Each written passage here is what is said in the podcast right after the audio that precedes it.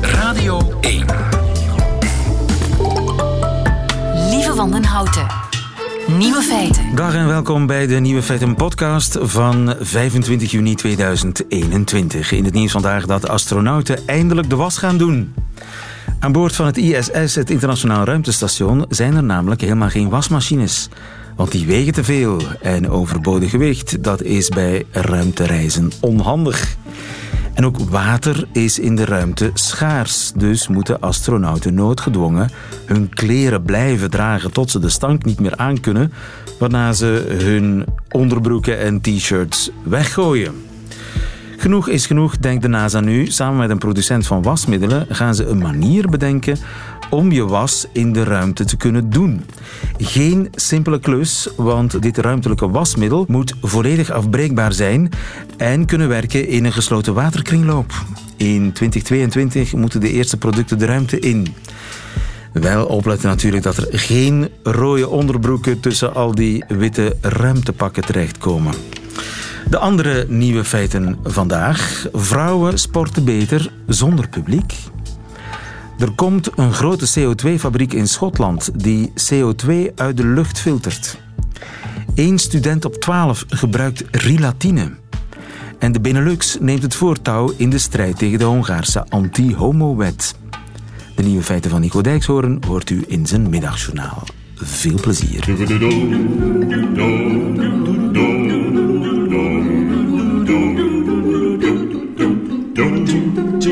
Nieuwe feiten.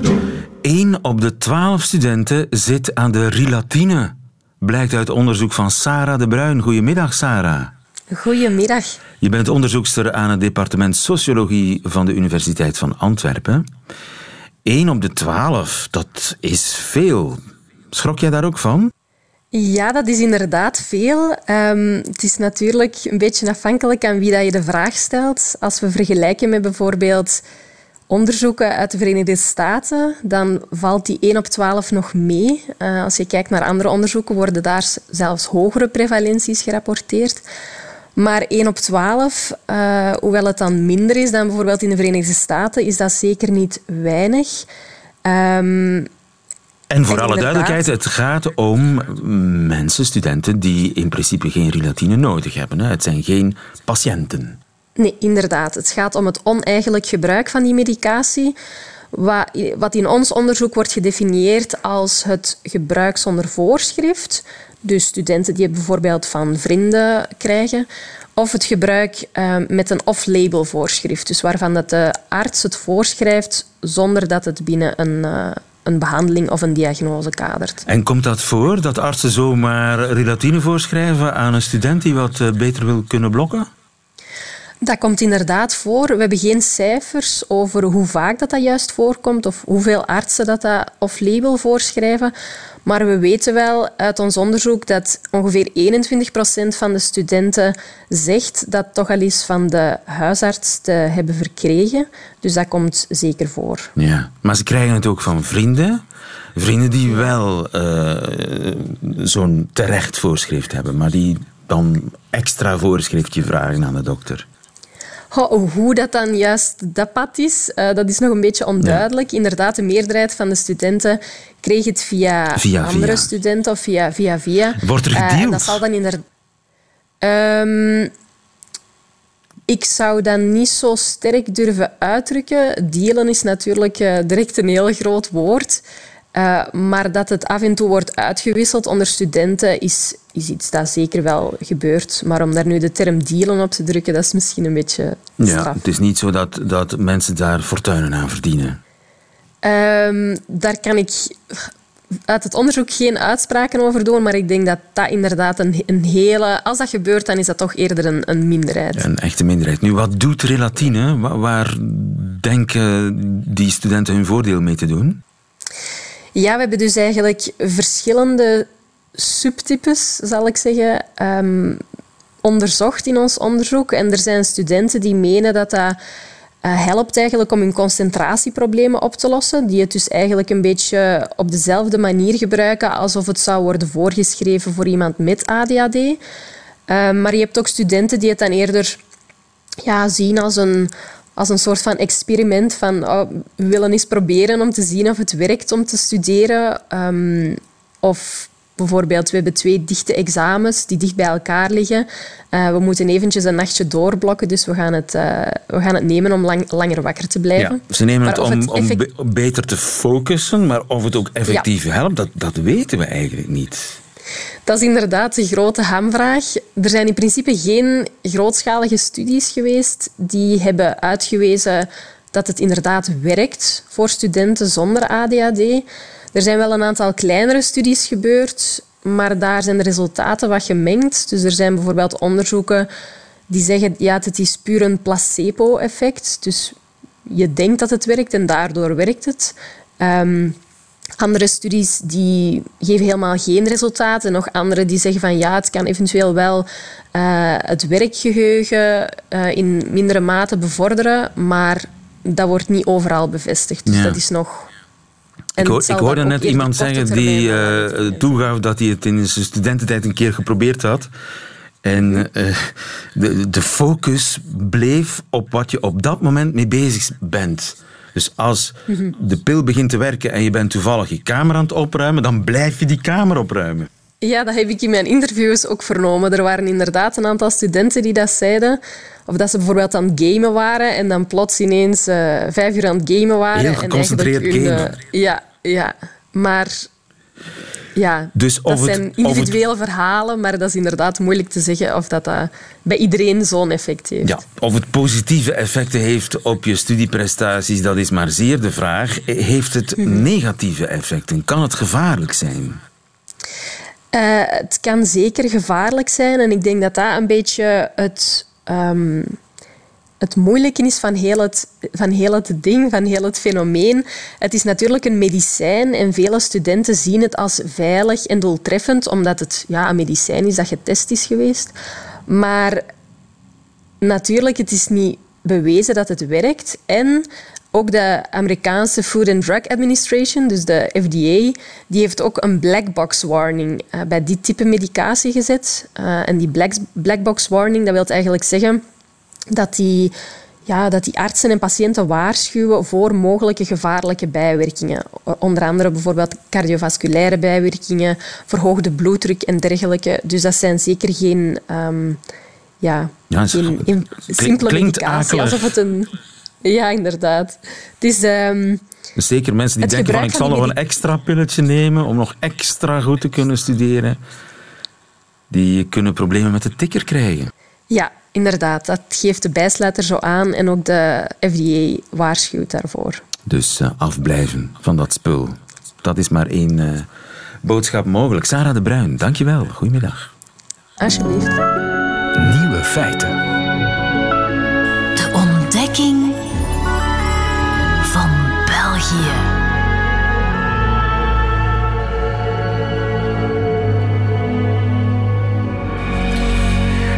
De ontdekking van ons eh, wonderbaarlijke eh, surrealistische land door eh, NOS-man in Brussel, Sander van Horen. Goedemiddag, Sander. Goedemiddag. Jij woont nu al een jaar of drie in uh, Brussel. Dat blijft het maar. En tegen, tegen de vier jaar inmiddels al. Tegen de vier jaar, wat gaat de tijd snel. En ontdekt meer en meer van ons land. Uh, ook je, je taaltest gaat alsmaar beter. Ja. Op het einde van... Uh, je bezoek ja. onderwerp ik je altijd aan. Maar toch nog altijd. Toch gemiddeld genomen denk ik dat ik het niet haal. Maar ja, dat zijn ook vaak zo specifieke beter dan woorden. nul. In beter dan nee, oké, okay, dat, dat zijn vaak. Wat, wat, is jou deze week aan ons land opgevallen? Hoe je toch, eh, we hebben door, door de hele COVID-crisis heen hebben we gezien hoe Nederland dingen anders aanpakt dan België. En ook nu weer met het, ja, het eigenlijk afschalen van alle maatregelen zie je weer een verschil waarbij het resultaat valt me dan toch weer op hetzelfde is. Ik vond het op zich. Ik heb met, met heel veel Belgen, denk ik, uh, verbaasd zitten kijken naar de laatste persconferentie van Mark Rutte, onze premier. Die eigenlijk zei: als je maar anderhalve meter afstand kunt houden, voor de rest anything goes dus mondmaskers in supermarkten. Uh, vanaf morgen is het allemaal verleden tijd. En, ik was in Maastricht een week of twee geleden. Niemand droeg een mondmasker op nee, straat. Niemand. Nee, maar dat is dus het effect wat je ziet. Dat is vanaf volgende week zaterdag. Nou ja, dat was dus eigenlijk vanaf het moment van aankondigen. Was dat eigenlijk al. Oké, dat is dus vanaf nu. Dat eh, het alleen maar geldt als je anderhalf meter afstand kunt houden. Dat is iedereen al lang vergeten. En ehm, ook, ook de, de, de volgende persconferentie, zei die, is in augustus. De volgende persconferentie waarin maatregelen worden aangekondigd. Dus dat is ook het signaal van jongens, het is zomerfeest. En ik vond dus dat eh, Alexander de Croo... Voorzichtiger. Ja, stuk. He, dus, dus van we gaan afbouwen, dat gaat hard. Er wordt weer meer mogelijk, maar het blijft afbouwen. Het is niet eigenlijk de boodschap af willen geven van jongens, uh, het is compleet naar nul. Maar het effect, ik bedoel, je hebt het ook door steden en dorpen gefietst. Natuurlijk op het moment dat de voetbalwedstrijden aan de gang waren. In de praktijk komt het ongeveer op, op hetzelfde, hetzelfde neer. neer. Ja, ja. Ja, en dus de verschillen tussen Nederland en Duitsland. Ja, je kunt het anders aanvliegen, maar het signaal is toch. Uh, Nederland en België bedoel je? Nederland en België, ja. Ja, ja nee, en wat, wat, wat ik dan ook wel weer grappig vind, is dat die landen elkaar ook uh, eigenlijk de afgelopen week weer helemaal hebben gevonden. Samen met Luxemburg. Ja, want dat was het grote nieuws deze week natuurlijk. Ja. De anti-homo-wet van Orbán. Ja, en um, dat is echt een Benelux-initiatief geweest om daartegen in, uh, in het geweer te komen. En uh, dat is eigenlijk een soort wedstrijd Benelux tegen de Visegrad-landen. Dat is uh, gewonnen door Rutte, hè? want Rutte was het toch het strafst. Ja, maar hij heeft het afgelopen dinsdag was het Sophie, maandag en dinsdag was het Sophie Wilmes die het in de ministers van Buitenlandse Zaken die kar getrokken heeft. Die heeft toen namens de Benelux het initiatief genomen, hè, dus België, om een verklaring op te stellen waarin de Europese Commissie gemaand wordt om actie te ondernemen tegen Hongarije. Echt een Benelux-ding. Echt een Benelux-ding. Op initiatief en, van België. En zij heeft daar die initiële 13 handtekeningen van andere ministers van Buitenlandse Zaken ondergekregen. Later zijn dat nog meer landen geworden. En dan zie je dat aan de vooravond van de top Rutte en de Croo enorm stelling nemen. En dat tijdens die top Xavier Bettel van Luxemburg... met zijn verhalen over zijn coming-out als homoseksueel. Hij heeft een Belgische man. Hij heeft een Belgische man. Precies. Ja. ja. En daar heeft hij over verteld. En dat hij dus niet het idee heeft dat hij uh, uh, dat geworden is doordat hij als kind uh, ja, verkeerde televisieprogramma's heeft gekeken. over de hele. even over Orman. Ik vraag me toch af. jij als. ja, je bent zo hetero als een huis, hè? Bij mijn weten.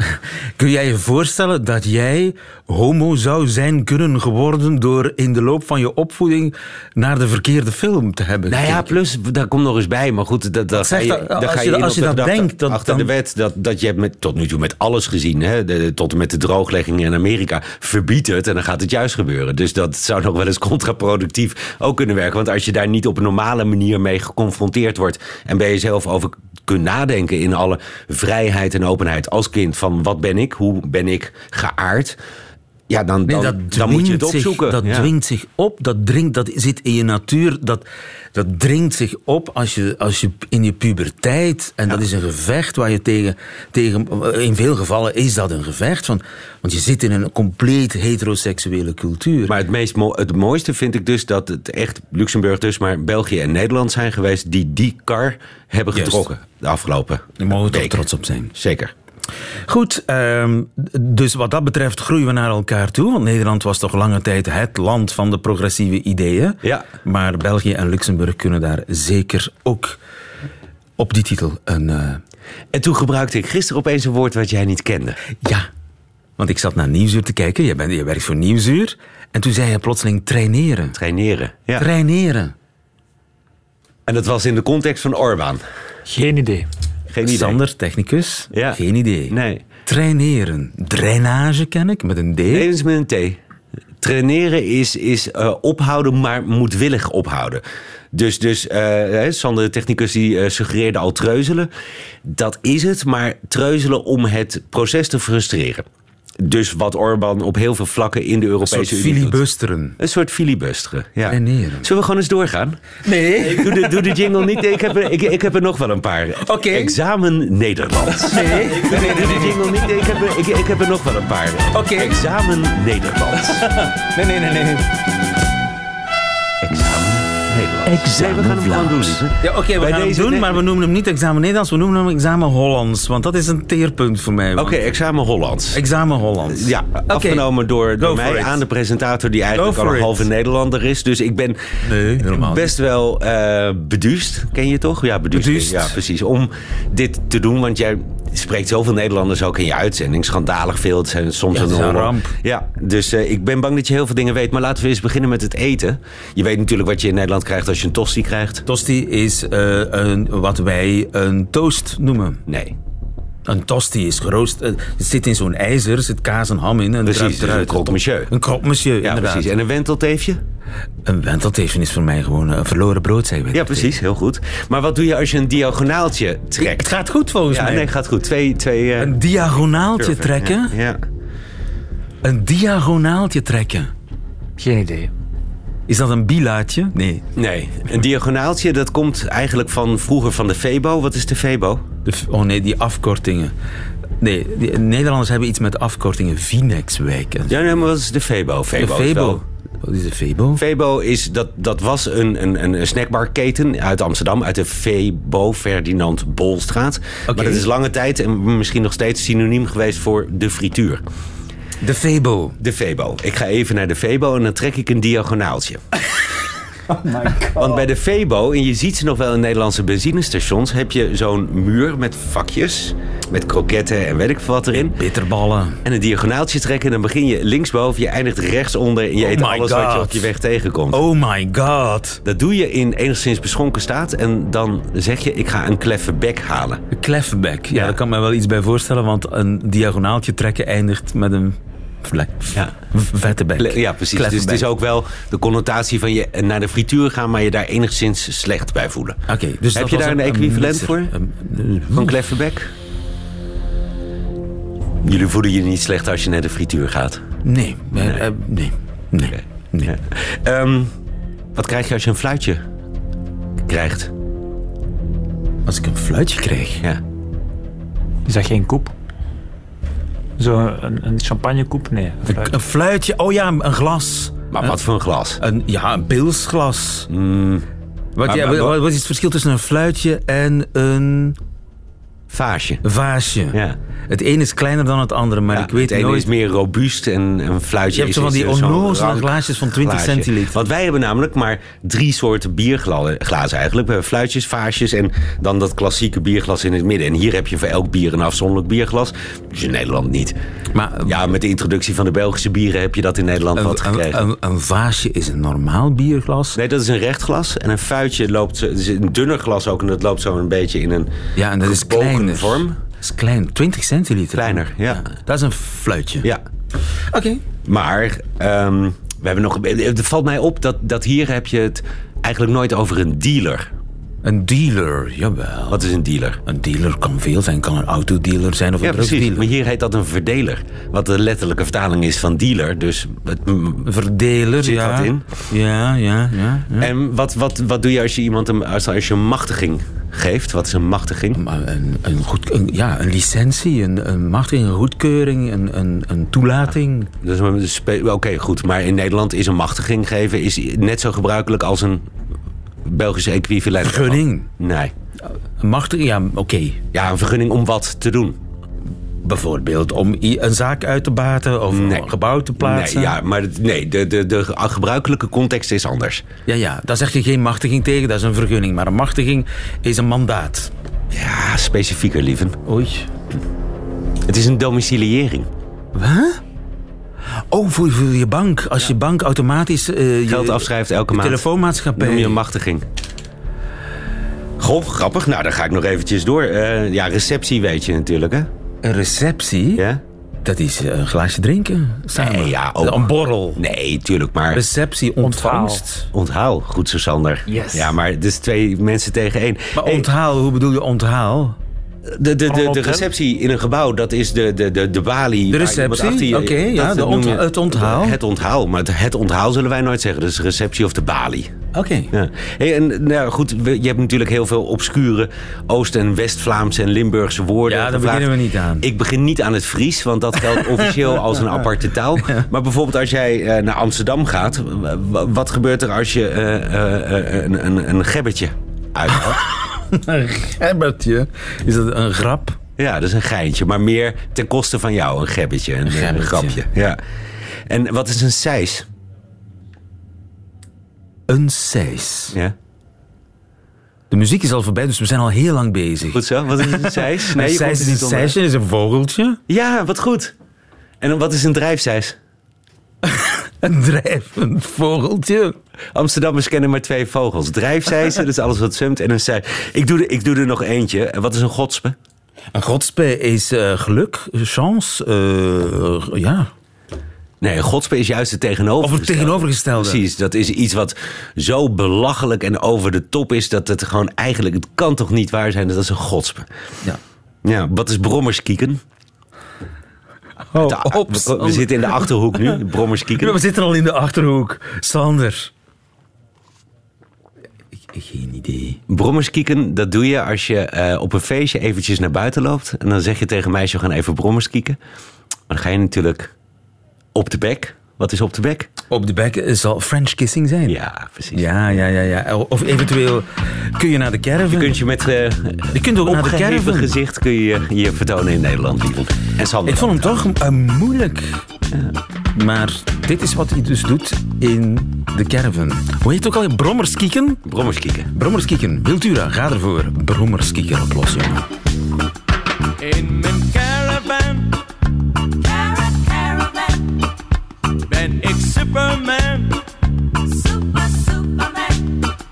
In mijn caravan Oh yeah, ben ik Superman. oh yeah.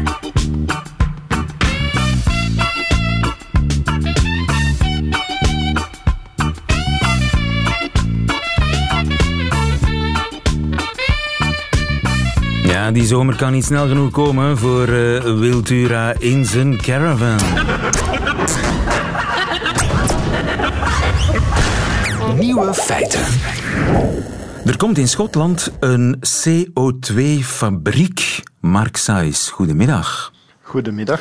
U bent eh, scheikundig ingenieur aan de Universiteit van Gent en u bent ook oprichter van Capture, dat is een onderzoekscentrum rond hergebruik van CO2.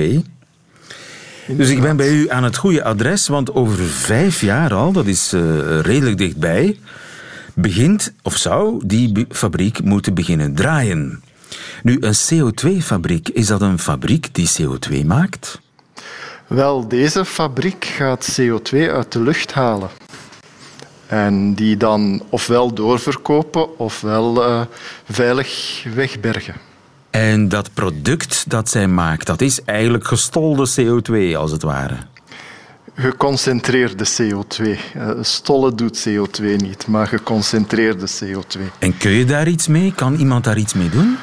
Ehm, dat kan gebruikt worden ehm, om bijvoorbeeld eh, brandstoffen te gaan maken eh, met de waterstof die Europa gaat produceren. Oké. dus dat is ja. eigenlijk, eh, eigenlijk is dat gewoon een kunstmatig bos. Ja, inderdaad. Ja, maar Want dat is precies wat een bos doet: CO2 uit de lucht halen en er hout van maken. Ja, ja, inderdaad, maar veel compacter natuurlijk. Hè. Ja, je hebt minder je- plaats nodig. Ja, ja, als je een bos zou willen planten dat dezelfde hoeveelheid CO2 uit de lucht haalt, heb je makkelijk 100 tot 1000 keer meer oppervlakte nodig. Ja, want eh, ze gaan het equivalent van 40 miljoen bomen eh, produceren of uit de lucht halen. Ja. Eh, 40 miljoen bomen, ik heb het even snel uitgerekend. Als je rekent 2500 bomen per hectare, eh, dat is 16.000 hectare. Dat is ongeveer de grootte van het Brussels gewest.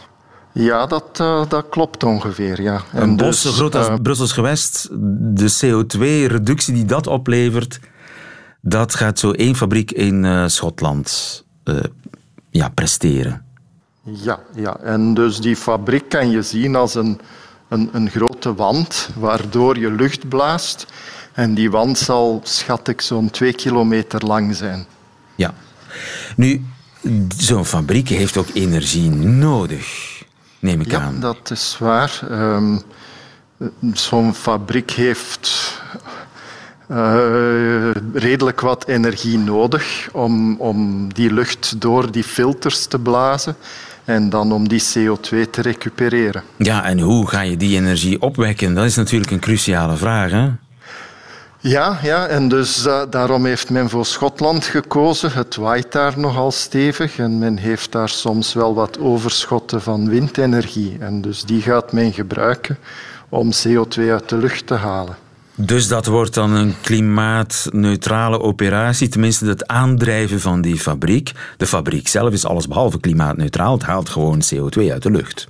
Inderdaad, en als je die dan eh, ondergronds weg eh, stokkeert, is dat een zogenaamde negatieve emissietechnologie. En dat is prachtig natuurlijk. Maar je zou denken, waarom plant je geen bos van eh, 160 vierkante... Er is toch plaats genoeg in, in Schotland? Wel, om, om, om een impact te hebben op de enorme CO2-emissies richting een, een, een gigaton CO2 per jaar, zou je een bos de grootte van India moeten planten. En dat dan regelmatig rooien, de CO2 stockeren. En, en dus dat heeft enorme hoeveelheden plaats nodig. Ja. En, En dus de- deze technologie heeft het potentieel om, om dat op een beperktere oppervlakte te doen. je zou dat ook in eh, Gent of Antwerpen vlak bij de haven kunnen zetten. Dat is het mooie aan de technologie. Je kan CO2 overal uit de lucht halen. Dus je gaat dat doen waar je net heel veel van die groene energie hebt. Of, of lage temperatuur warmte om, om, om die dingen te regenereren. Maar hoeveel kost zo'n fabriek dan per ton eh, uit de lucht gehaalde CO2? Wel, dus de, de, de bedragen die dit bedrijf, Carbon Engineering, vrij optimistisch naar voren schuift, zijn rond de 100 euro per ton CO2. Wat, wat een stuk hoger is dan de kost die bijvoorbeeld... eh, wat het kost om die CO2 eh, uit de schouw bij ArcelorMittal of een, een, een groot bedrijf te halen. Ja. Maar misschien is dat een kost die we in de toekomst bereid zijn te betalen als we die 2 graden Celsius echt wensen te halen als maatschappij. Dus En dus 100 euro per ton is ongeveer 30 cent per liter benzine. Is dat veel? Eh, hangt er vanaf wie het vraagt. Ja, inderdaad. En de kans is dus niet onbestaande dat dat soort fabrieken overal zullen gaan opduiken in de toekomst. Ja, en vooral, vooral waar er hele grote overschotten aan eh, groene elektriciteit zijn. Hè. Denk aan het Midden-Oosten, maar ook het noorden van Europa met veel wind. Ja. En maakt het uit als je die fabriek dan ver van industriële zones zet? Nee, dat is het mooie. Hè. Je kan overal CO2 uit de lucht halen. Je bent niet afhankelijk van een, een industriële zitten.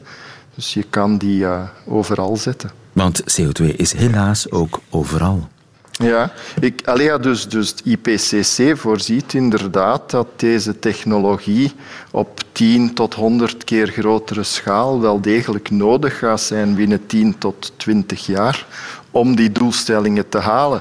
Eh, En dus nu probeert men die technologie op een, een, een echte schaal uit. En er zijn een tiental bedrijven die verschillende varianten van die technologie aan het ontwikkelen zijn.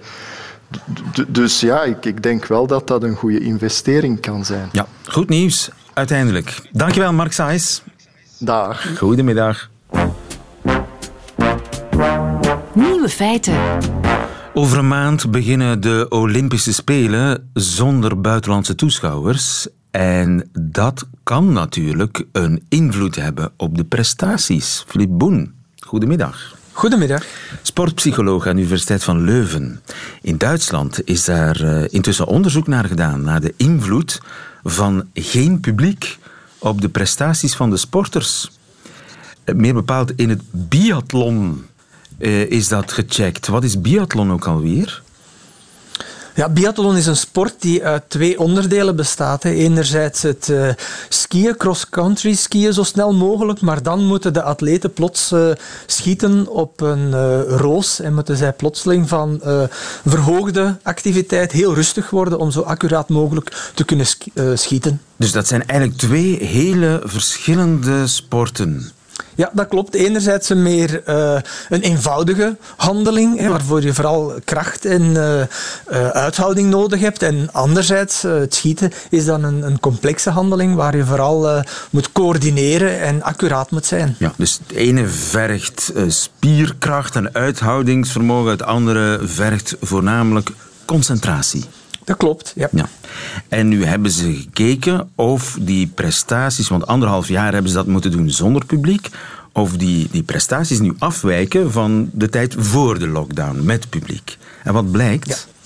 Dat, wat blijkt dat bij de mannen dat eigenlijk eh, de verwachte effecten in de richting gingen van de, de bestaande theorieën. Dus de theorieën zeggen dat de aanwezigheid van publiek inderdaad op velerlei prestaties een invloed zal uitoefenen, maar het hangt af van de soort taak. Dus een goed geleerde of eenvoudige taak, zoals bijvoorbeeld uh, skiën hè, of, of, lopen bijvoorbeeld, daar is de aanwezigheid van het publiek be, bevorderend voor de prestatie. Maar voor complexere of minder goed uh, ingeoefende taken, zoals uh, het, het, schieten, hè, dat meer accuraatheid en coördinatie vereist, daar zou de prestatie, of de aanwezigheid van het publiek de prestaties verminderen. En dat werd inderdaad bij de mannen bevestigd. Dus dat is in, in, lijn met de vroegere theorieën, sociale activering, omdat een aanwezigheid van het publiek leidt tot, leidt tot een verhoogde arousal of activatiegraad. En dat is bevorderlijk wanneer het een eenvoudige handeling is die we moeten stellen, maar dat is... Dus allee, die, allee, die, dat helpt.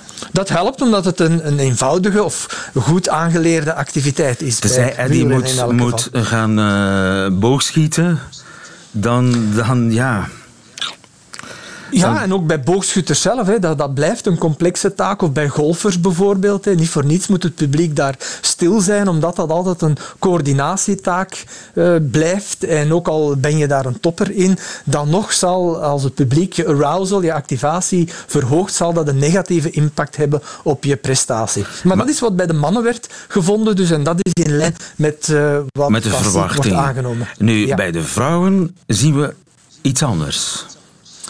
Ja, daar werd verrassend uh, genoeg een, een, een, het omgekeerde effect gevonden. Het dus omgekeerde? Dat zij, dat zij bij de afwezigheid van een publiek beter gingen skiën, dus sneller gingen skiën. En bij het uh, schieten gingen zij bij afwezigheid van een publiek slechter presteren. En dat was toch wel een beetje verrassend. Ja. En uh, hoe zou dat kunnen komen? Dus als er geen aanmoediging is, gaan vrouwen sneller skiën? Wel, ik denk dat ook de relatie tot het publiek belangrijk is. Dus vroeger in de sociale en de sportpsychologie, we weten dat puur de aanwezigheid van een publiek, dat dat inderdaad je arousal gaat verhogen en dus een effect kan hebben. En zelfs het publiek moet niet noodzakelijkerwijze toekijken om dat effect te veroorzaken, maar de, de wetenschap dat een publiek je gunstig of ongunstig gezind is, die effecten wel versterken of zelfs een beetje modereren. En dat is wat de onderzoekers hier veronderstellen dat het geval was, dat er een soort van uh, gender stereotype threat meespeelt. Dat wil zeggen dat uh, de activiteit, het skiën, is voor vrouwen eigenlijk een, een, een, activiteit die als meer mannelijk wordt gezien, omdat er vooral kracht uh, en uithouding vereist is, wat, wat typisch voor mannen is. En dat zij dus, als er publiek is, zich meer bedreigd gaan voelen om die activiteit uit te voeren. Terwijl bij het daarentegen, dat is een, een uh, activiteit waar vrouwen het vaak niet minder slecht doen dan mannen in het algemeen. Dus dan gaan zij de aanwezigheid van het publiek als uh, steunend ervaren. Ah ja. Zou het ook kunnen dat mannen eigenlijk onzekerder zijn en meer steun zoeken bij andere mannen? En, Wel, en wat nerveus worden als andere mannen op hun vinger staan te kijken, terwijl vrouwen wat zelfstandiger zijn?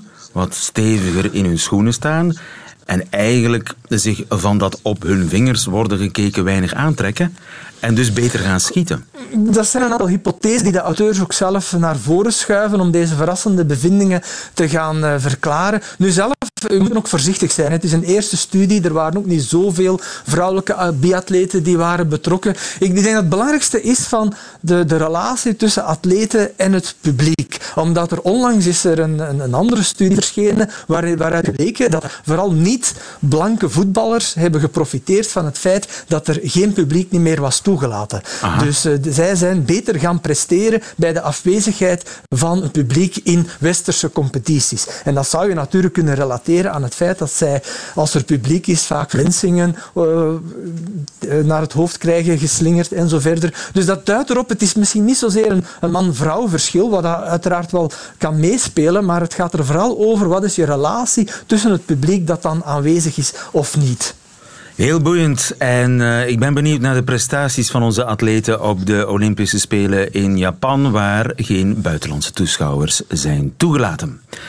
Dankjewel, Philippe Boen van de Universiteit van Leuven. Goedemiddag. Graag gedaan.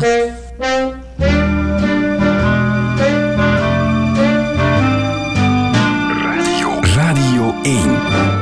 Nieuwe feiten. Dat waren ze, de nieuwe feiten van 25 juni 2021. Behalve die van Nico Dijkshoorn. Die krijgt u nu in zijn middagjournaal. Nieuwe feiten. Middagjournaal.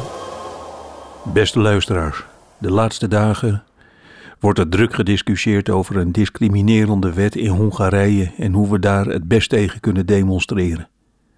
De aanvoerder van het Nederlands elftal draagt zondag in Budapest een polsbandje met regenboogkleuren. En op mijn gevoel zeg ik, dat zal geen omwenteling in het denken opleveren. Ik denk niet dat er zondag ook maar één Hongaar met de volgende tekst thuiskomt na de voetbalwedstrijd. Lieverd, ik was net in het stadion en de aanvoerder van het Nederlands elftal droeg een gekleurd polsbandje en opeens dacht ik, waar ben ik mee bezig? Ik zag zijn zweetbandje en ik dacht, ja, homoseksuelen zijn ook maar gewoon mensen. De regering heeft ons al die tijd misleid. Een van de spelers had regenboogveters in zijn schoenen en nu denk ik opeens heel anders over die situatie. Wat een geluk dat het Nederlands elftal hier speelde en ons heeft geleerd om anders te kijken. Dat gaat dus niet gebeuren. Ook omdat die Hongaren donders goed weten hoe het er in Nederland zelf aan toe gaat. In Nederland en België word je tot aan je voordeur achtervolgd door bezeten supporters die je net zo lang treiteren tot je ergens anders gaat wonen. De eerste voetballer die openlijk spreekt over zijn geaardheid zal in ieder stadion worden ontvangen door kwetsende spreekoren. Ze zullen hem weten te vinden. Er zal ludiek met handtasjes worden gezwaaid. Ik vind de verontwaardiging dus nogal hypocriet. In eigen land betekent openlijk uitkomen voor je homoseksualiteit het eind van je carrière. Ja, ze zullen je twee dagen op je schouder kloppen en je mag een week lang in alle talkshows vertellen hoe lastig het was je coming out. Maar buiten de studio wacht je dezelfde bloeddorstige horde als in Hongarije. Daarom denk ik dat de hardcore hetero-Hongaren zich helemaal niets gaan aantrekken van welk protest dan ook. Ze liggen op ramkoers. Alles wat hier sluimert en woekert, is daar nu in een wet gegoten. Daar gaat geen regenboogbandje iets aan veranderen. Omdat we zelf, ondanks alle goede bedoelingen, nog steeds een denkbeeldig laf grijs bandje om de pols dragen.